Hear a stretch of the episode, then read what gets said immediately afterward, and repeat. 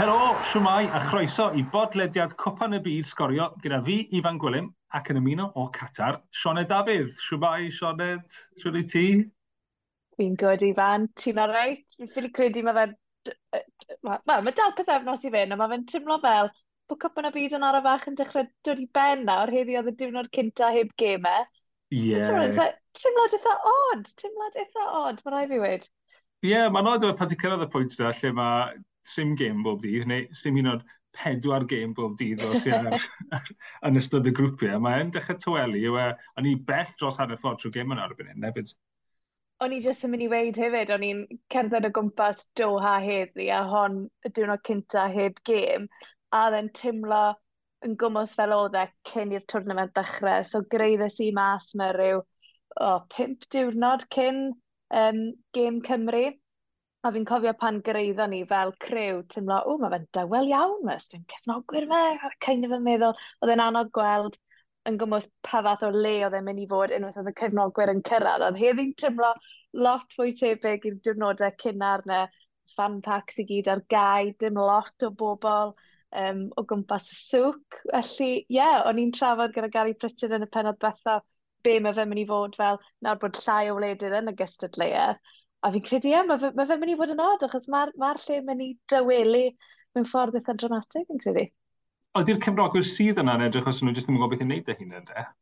Wel, mae Mae rhaid fi, mae fe'r fath o le, stym lot i wneud me, okay? stym lot i wneud yn Doha o gwbl, a fi'n rhywun, rhywun sy'n licio siopa, there's only so many shopping malls I can take, mae rhaid fi weid, a unwaith i ti wedi bod i un, ti wedi bod i bob un o'n nhw. A hyd yn oed gyda pethau fel y sŵc, fel y conish, unwaith ti wedi bod na, unwaith ddim really eisiau ti fynd o na. Felly, ti'n mae fe'n, ie, yeah, sa'n really siŵr be mae'r cefnogwyr yn neud pan sdim Peel Drod yn cael ei wario, achos mynd i'r gemau yn amlwg yw peth gorau o fod yn Doha, felly, ie, uh, yeah, mae fe'n un, ma, ma, fe un bach od, mae'n rhaid fi gyfadda. Mm. Wel, nôl i'r pil droed, ni, fel ni'n gweud, yn colli gwledydd, left, right and centre ar hyn o bryd, ni lawr i wyth, ni newydd cael yr ail rownd, rownd yr 16 ola, a os chi heb weld beth sydd wedi digwydd, dyma y penawdau. Ar ôl gwallgofrwydd y grwpiau, oedd pethau'n dechrau setlo yn yr ail rownd. Mae'r ffefrynnau yn dechrau dangos eu gwerth. Japan oedd yr unig enillydd grŵp i beidio ennill yn yr ail rownd, a roedd angen cicio'r smotyn a'r Croatia i'w curo nhw. Sioc y rownd oedd bod Morocco yn curo Sbaen, a hefyd ar gicio'r smotyn.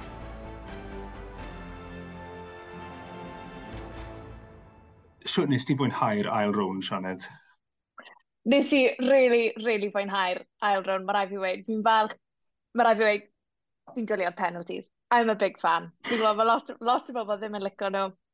O'n i'n dwlu ar, dwlu ar y drama, um, a just y straeon, ti'n bod fel Portugal, heb Ronaldo, y cwetwyd, lot o bobl yn wyndran, wel, fel maen nhw'n mynd i berfformio heb Ronaldo, ond maen nhw'n edrych yn dîm gwell hebddo fe, dath yr er o dechrau Ronaldo ar y fainc, the handbrake came off, oedd Portugal ar dan yn erbyn y Swister. Mae rai fi wedi oedd y Swister, fi'n credu, o'n i, on i wedi siomi yn ei perfformiad nhw, nath nhw ddim, um, wel, oedd e, nath nhw ddim droi lan i ddefnyddio'r hen ystrydeb. Um, ond ie, yeah, mae fe'n edrych fel, fi'n fi, cofio cyn i gwpan y byd dechrau, tywed, nath popeth ddigwydd gyda Ronaldo a Manchester United ac y tyndeb e, a bod wedi gadael y clwb a pawb yn meddwl, mae really eisiau tournament da ar Ronaldo o ran i gyrfa fe a o ran rhoi pa glybiau sy'n mynd i ddod mewn iddo fe, a dyw e heb gael tournament da o gwbl. Dyw i perfformiadau fe ddim wedi bod yn gret ar y ca, ond mae agwedd e ddi ar y ca hefyd, just, mm-hmm. oh, ddim wedi bod yn gret. Felly, ie, yeah, nes i really, really joio perfformio Portugal, um, Brazil, yn danso, fi'n fan o'r dance moves, mae'n rhaid i weid. mae sgiliau dynso nhw yr un mor dda a'i sgiliau peldrod nhw. Um, a mae rai fi wedi, Frank, Lloegr, di mwynhau perfformiadau nhw, ond i fi yr uchaf bwynt ebos yw Morocco am stori. Yeah. A mae cefnogwyr Morocco ym hobman yn Doha yn amlwg diwedd ddim yn bell iawn um, o, o Morocco a mae'r cefnogwyr just dros y stryd i gyd, o'n i'n drifon ôl o'r olenithwyr pawb yn eu ceir nhw, yn honcan, baneri Morocco. Um, felly, ie, yeah, fi'n credu am, am stori i godi'r galon fan hyn yn Qatar. Mae'n ma, ffantastig bod hynny wedi digwydd. Tyd, Morocco byth di mynd mor bell o blaen anaml ni'n gweld gwledydd o Africa yn mynd mor bell a mm. hynna. Mm. Os ydyn nhw'n ennill yn erbyn yn Portugal, wedyn ni byddwn nhw wedi mynd yn bellach am unrhyw wlad o Africa wedi wneud o'r blaen. Mae hwnna yn ffantastig. O ran gêm ddo, beth oedd y gêm o'r achos o be weles i o'r gêm yna, oedd e ddim yn un gret. Na, o'n i'n siarad pobl actually, nath nhw weid um, Morocco-Sbaen um, a hefyd gêm Croatia, to reina oedd y rei fwyaf um, siomedig uh, pa i nes i o fwyaf? Brazil, siwr o fod. Ie. Yeah. A just achos goliau Brazil, oedd pob, oedd pob gol just yn, yn ffantastig. Um, Ie, yeah, na i fynd am Brazil. Fi'n credu o ran perfformiad cyfla, fi'n credu un o'r perfformiad gorau mewn 90 munud i fi wedi gweld gan mm. dîm hyd yn hyn yn y, yn y tournament. A hwnna oedd y perfformiad. Fi wedi newid yn meddwl i lot. Fi'n cofio gweld yr ariannau yn y meddwl, a meddwl, right, rhain sy'n mynd i ennill, rhain sy'n mynd i ennill yr holl beth, ond wedyn i ti'n gweld Brazil um, a'r ffaith oedd Neymar nôl hefyd. Mae jyst teimlo dy fi taw Brazil yw'r rei eleni. Gewn ni weld, fi'n cofio newid yn meddwl i. Ie, yeah, o'n i'n, hanner cyntaf na'n enwedig yn y Brazil, mae ma rhai o'r goliau, mm. mae'r pêl-droed nhw'n chwarae yn ffantastig. Y, y samba ffwtbol i ti, i ti moyn gweld wrth Brazil mewn cwpan y byd. A yn y grwpiau, ni ddim ag ageithio gol uh, Richarlison yn erbyn yn y gêm gyntaf, ond ni ddim yn rili really gweld bod nhw wedi bwrw top gear braidd. Fi'n gwybod, nes di weld nhw yn erbyn y Swister, do? Siwr o'n nhw i mm. wylio mm. fyna, achos oedd e'n gêm eitha tawel, really, un gol i ddim, fe. Oedd hi'n gêm dawel, a oedd yr awyrgylch yn dawel hefyd. Fi'n cofio oedd lot o sôn am gefnogwyr Brazil, a oedd y gêm yn y stadiwm uh, mae'n 7-4, un dy'r containers, a mae'r stadiwm na, mae'n fach iawn, mae'n compact iawn, mae dyma na'n dyla tua 38 mil. Fi'n gweud dim ond, mae hwnna'n dal yn eitha lot. O'n i gymaru â rhai'r stadiwm eraill. Um, a ie, yeah, fi'n gwybod beth wedys ti, really, o'r ti wastad yn cael y teimlo bod yna lot fwy i ddod gan y tîm yma, bod lot fwy dyn nhw i gynnig ond falle nhw jyst yn trial peso un fwy a oer yn, yst yn ystod y grwpiau. Um, ond ie, yeah, mae'r... Mae jyst... Mae yna rhyw fath o ffle, rhyw fath o vibe dy Brazil ar hyn o bryd. Um, a maen nhw just, ie, yeah, mae rai fwy, mae fe'n ma fe fraint cael, cael gweld nhw yn y tournament yma. Mae'r enwau mawr yn dechrau, dydyn ni'n unig o gledydd yn dechrau tanio, ond ti'n gweld y enwau mawr o ran y chwaraewyr nawr. O'n i edrych pwy sydd wedi sgorio yn y rownd diwetha. Mae gyda ti Depay sy'n un o'r brif sgorwyr i sydirodd erioed, Messi, Mbappe, mm. Kane, Neymar.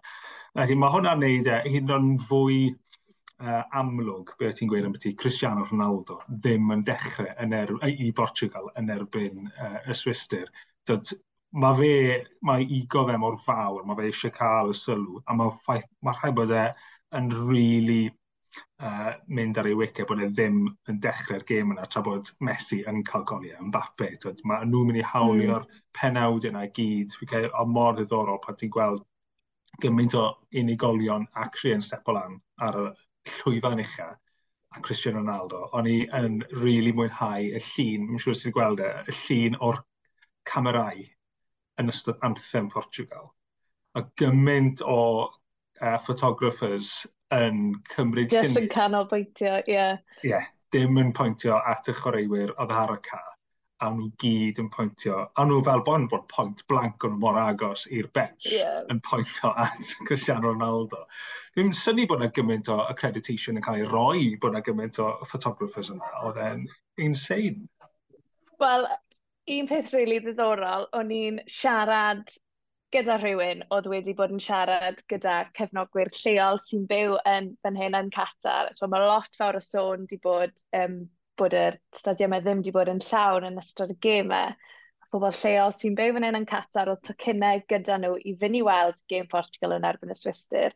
Pan oedd nhw glywed bod Ronaldo ddim yn dechrau, wedi penderfynu pido mynd i'r gêm, wow. sy'n ei fi mor drist, achos bydden ni wedi dwlu cael tocyn i weld y gêm na. Felly, twyd, o'n i'n sôn eto gyda Gary Pritch yn y benod betha, twyd, bod yna lot o dwristied yma, twyd, expat sy'n byw yma sy'n o bosib ddim yn gefnogwyr enfawr o Bill Drod. Ond mae hwnna'n stori wir, o'n i'n siarad gyda rhywun a di clywed hwnna, felly nath hwnna dorri'n yng nghalon ni. Um, ond hefyd, mae ffeinal rhwng yr Ariannin a Portugal yn bosib o ran y llwybr.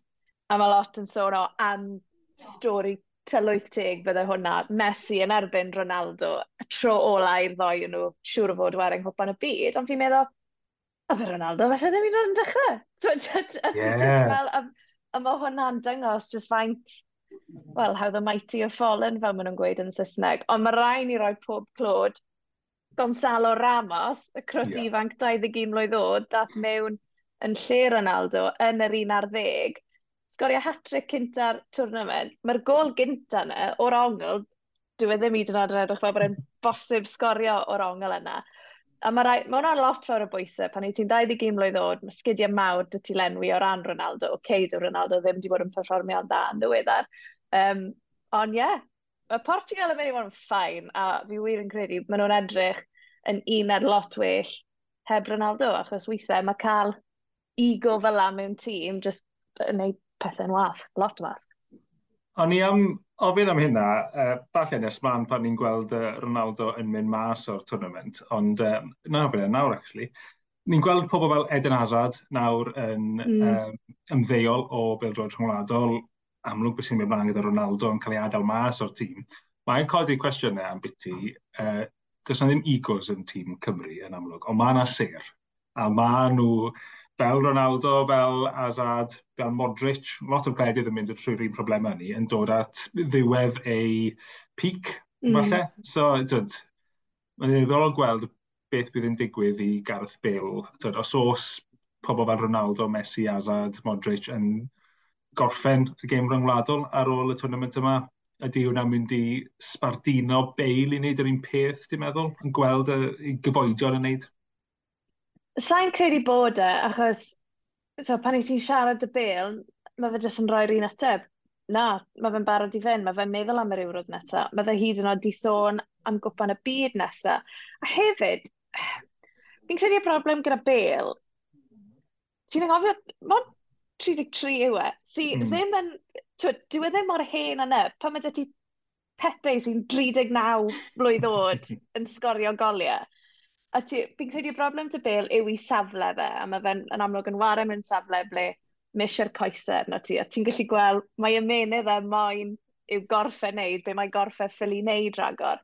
Um, felly, ie, yeah, sa'n gweld bel yn, yn ymddeol unrhyw bryd. Fi bendant yn gweld e'n wneud yr ymgyrch nesaf. I ni'n gorfod addasu i rolau chydig nawr, achos i ni'n gwybod dyw e ddim gyda'r coesau, dyw e ddim gyda'r um, gyda'r pŵer a'r nerth fel oedd e, tair, peder, pum mlynedd yn ôl, pwy a oer. Ond fi'n credu hefyd, oedd i ar y ca, e, sa'n gwir yn gwybod bod bel yn mynd i ddechrau hyfforddi, ond yw e'n troi mewn i rhywun fel gyntaf ble, mae Rob Page wedi sôn tro ar ôl tro, mae jyst cael Chris gyntaf o gwmpas y lle er bod e'n literally heb warau yng nghwpan y byd. So bod hwnna'n help enfawr i'r tîm. Sa'n gwybod, ond, sori, oedd hwnna'n ateb rydw i hir na, sa'n credu bod Gareth Bale yn, yn mynd i ymddeol. Just achos bod Hazard a Modric yn. Da iawn, da iawn. Um, falch clywed. Uh, nôl at y gemau'r ail rownd, yr unig gemau agos really, oedd Japan, Croatia a Morocco, Sbaen. Yna nath fynd i cicio'r smotyn, nes di weid y top raglen bod ti'n fan o'r penalty shootout. Byddai nhw'n well, ti'n meddwl, os ti'n mynd fel sydd yn Cwpan Cymru, syth i gicio'r mm. smotyn yn hytrach na chwarae amser ychwanegol. Na, fi'n licio fe. Fi'n fi, fi rhywbeth, fi'n licio am gweld y chwaraewyr jyst yn hollol knackered. A just, i fi, mae fe'n ychwanegu i'r drama. So, Cwpan Cymru, byddwn ni'n licio gweld amser ychwanegol nôl yng Nghwpan Cymru. Fi'n deall pam yng Nghwpan Cymru bod nhw'n mynd i gicio ar smartyn. Ond, oh, na, fi'n dylio na fe. Fi'n dylio na fe. Oedd, um, yeah, so I'm here for the extra time and penalties. Yeah. Fi'n gweld yn aml, mae'r extra, yeah, extra time yn aml, mae'r ma, ma, chwarae yn troi mor fflat yn mm. y 30 munud yna, a mae gymaint o weithiau, mae ti'n gallu gweld bod y ddau dîm just yn hapus i just rhoi tempo yeah. lawr a just chwarae ar gyfer aros i'r penalty shootout a hapus i just roll the dice fyna. So, yn ama, pa ti'n cael pan ti'n cael golden goal, falle bod hwnna yw'r ateb i cael hwnna nôl, achos mm. ti'n cael drama fel digwyddodd yn Euros yn 96, Euros yn 2000 yn y ffeinal, lle mae'r twrnament yn cael ei ddewis ar golden goal. Um, yeah, falle, falle daw hwnna yw'r ffordd ymlaen, falle. Just mm. i farhau e. Um, na roi ti ar y spot am um, un cwestiwn ola. Uh, hoff shootout cwpan y byd? O, oh, Frank i reidad 2006, mae hwnna'n un iconic. Hwnna yw'r cwpan y byd gyntaf fi'n cofio dilyn, o'n i'n obsessed, right. o'n i just yn obsessed y Zidane, felly hwnna. Hmm. Ond fi hefyd yn cofio 2014, yr isildiroedd yn erbyn yr ariannin am le hmm. yn y ffeinal, fi'n credu bod fi'n iawn yn gweud hwnna. Ie, yeah, ti'n iawn. Ydw, ie, yeah, ie. Brazil, yeah. 2014. Ie, yeah, reina o rei sy'n sy aros yn y cof o ran rhai cwpan y byd. Mae hwnna'n mynd â ni yn neis iawn i siarad i ti y rownd nesaf lle mae'r iseldirodd ar ariannu'n yn gwynebu gilydd. Mm. Cyn bod ni'n neud, na i rapol lan y sgoriau i gyd yn yr ail rownd sef. Iseldirodd yn curo unol daleithiau o dair gol i un, a maen nhw am chwarae yr ariannu'n nath giro Australia o ddwy gol i un. Ffrainc yn curo Brad Pwyl o tair gol i un, maen nhw'n chwarae Lloegr, nath giro Senegal o dair gol i ddim. Wedyn ni, Japan, gêm gyfartal, un yr un yn erbyn Croatia, ond Croatia yn ennill ag Icia Smotin. Brazil sy'n gwynebu nhw yn rownd yr wyth ola, nath nhw giro Corea o bedair gol i un. Morocco a Sbaen, fel ni wedi siarad y barod, Morocco yn curo Sbaen a'r Gicio'r Smotyn, di sgôr oedd y gêm yna, a Portugal yn rhoi chwalad i'r Swister o chwech gol i un, nhw fydd yn gwynebu Morocco.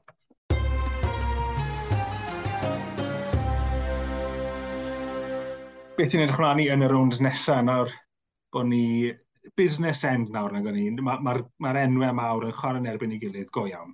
Ma nhw, a just cyn i ni ddim mewn i'r pil drod, mae yna stori eitha doniol. So fan hyn yn Doha yn y bai. Mae yna longau gyda baneri yr holl wledydd, a so dechrau'r tournament, o ti jyst yn gweld yr holl wledydd yn mynd ar draws y bai yn ei llongau bach nhw, a wedyn dim ond y gwledydd yn amlwg sydd ar ôl wedyn ni, sy'n ah. cael mynd mas ar y siwrnau yma. Heddi, nillon nhw'r un peth, ond dim ond saith llong oedd yna. Nath y pwr dabs yng Nghofio am Croatia. o'n i'n yn cyfri'r llongau, a ni'n meddwl, angon, dim ond saith sydd fyna. Felly, ie, yeah, sori Croatia, gyda chi ddim... Uh, dim llong Croatia uh, yn hwylio rown bai Doha no. heddi. Um, ta waith, fi... Mae rai fi fi'n rili really disgwyl mlaen i gym Lloegr Ffranc. Fi'n credu bod hwnna'n mynd i fod yn uffan o gêm. Mae'n halon i'n gweud Ffranc, ond mae'n mhen i'n gweud Lloegr. Um, okay. Gewn ni weld. Fi'n fi, fi really, really yn disgwyl mlaen i'r gêm yna. Mae Morocco, Portugal, fi'n credu mae hwnna'n mynd i fod yn gêm. Fi jyst yn intrigued i weld siwm mae Morocco wneud, achos i ni wastad yn cael, twyd, ti'n meddwl am Croatia yn cyrraedd ffeinal Cwpan y Byd um, trwy dweitha, ti'n meddwl am Cymru er enghraifft, semi-finals Euro 2016, so mae yna wastad un glad sy'n mynd lot ymhellach, a mae momentum mewn unrhyw diwrnament just yn gallu, well, it can work wonders for you. So, mm. gewn ni weld. Um, gewn ni weld. Bydde rown gynderfynol rhwng Ffrainc a Morocco am gêm bydde hwnna Um, mae hwnna'n, bydde hwnna'n ffantastig. Bydde hwnna yn... Ie, yeah, oedd Frank a Morocco yn bod yn rhan o'r un wlad pan dechreuodd Cwpan y Byd yn ôl yn 30au, mm. 50au. So, ta, ni feddwl bod o'ch yn erbyn i gilydd wedyn ni. Amazing, fi'n meddwl. Fi meddwl, gêm Lloegr Ffrainc yna, pwy bynnag sy'n ennill hwnna, fi'n credu bod nhw'n cyrraedd y ffeinal. Dyna, yeah. mae hwnna, dyna lle i ni ar y safon Mm. Dyna lle mae'r balance yn ochr yna y tabl, bod, bod pwy bynnag sy'n ennill Lloegr a Ffrainc, maen nhw'n mynd i fynd trwyddo. Byddwn ni'n meddwl, fi credu bod e'n mynd i fod yn bach o Mbappe show. Do, mm. Hmm. barod wedi cael pimp gol, bell, do, mae fe, dwi'n sgolio dwy mwyn na unrhyw'n arall yn barod, do, mae fe'n mynd i fod yn enw mawr, mae fe'n mynd i ennill y Golden Shoe neu be bynnag maen nhw'n ennill ar ddiwedd mm. y, hmm. y tournament. A ie, fe ti'n gweud, Morocco, Portugal, ti'n gweud momentum, mae ma Portugal gyda'r chwech gol na, mae momentum tu ôl nhw hefyd. Mm. I be na i mm-hmm. weid, mae Morocco wedi curo Portugal yn cwpan y byd yn 1986 yn barod. So, mae gyda nhw hyd yn hyn, dwywaith yn y grebyg gilydd, one each, so hwn yw'r decider. A bydd yn ddiddorol faint o effaith mae'r cefnogwyr yn cael, achos dim lot o gefnogwyr Ewropeaidd mas yma. Bydd y gêm neu Morocco yn tymlo fel gêm gartref, felly pwy a oer os mae hwnna'n llwyddo i cael unrhyw fath o effaith. Um, ond ie, yeah, cytuno dy ti o ran Lloegr a Ffrainc. A hefyd, y ffaith bryddoen nhw dyma wedi gwneud i gilydd ddwywaith yng nghwpan y byd o'r blaen, sy'n mm. bonkers i gwneud. Sa'n gwybod pa, o'n i'n meddwl bod nhw wedi wario gilydd loads, ond ie, yeah, dyma dwywaith 1982 a 1966. 1966 ah, a Lloegr yn ennill ddwywaith. Mae rai fi wedi hefyd, iseldiroedd yn erbyn yr ariannyn, mae hwnna'n mynd i fod yn gêm arbennig, a fi'n credu bod hwnna'n mynd i fod yn gêm dyn iawn, ond fi'n credu wneud ffordd ariannu'n neud i, achos os oes yna rown, os oes yna rown gynderfynol rhwng yr ariannu'n a Brazil i gyrraedd y ffeinal, a mae'r gêm na, mae'r rown gynderfynol yna mynd i fod yn Stadium Lusail sy'n just, um, oh, mae rai fod un o'r stadium agorau fi erioed i gweld. Heb os, siwr fod un o'r gemau gorau gewn ni yng Nghwpan y Byd erioed. Um, a sa'i jyst yn gweud achos bod tocyn dy fi, ond hwnna'r gêm i fi'n rili, rili moyn. Byddai'n gytid, byddai'n byddai'n gytid os mae'r Ysildiroedd neu Croatia yn ennill i gêm enw, achos ie, yeah, byddai'r o'n cynderfynol rhwng Brazil a'r Ariannin, fi'n credu bob cefnogwr Pil Road, just, oh. Iconic. Iconic. Diolch, Sioned, am ymuno gyda fi heddi. A diolch yn fawr i ti, fa diolch i ti adre am rando. Gobeithio bod ti wedi joio mas draw hefyd. Byddwn ni nôl dros y penwthnos i siarad am y rownd y rwyth ola ac edrych mlaen am rowndiau cynderfynol cwpan y byd. Ond tan hynna, da bo.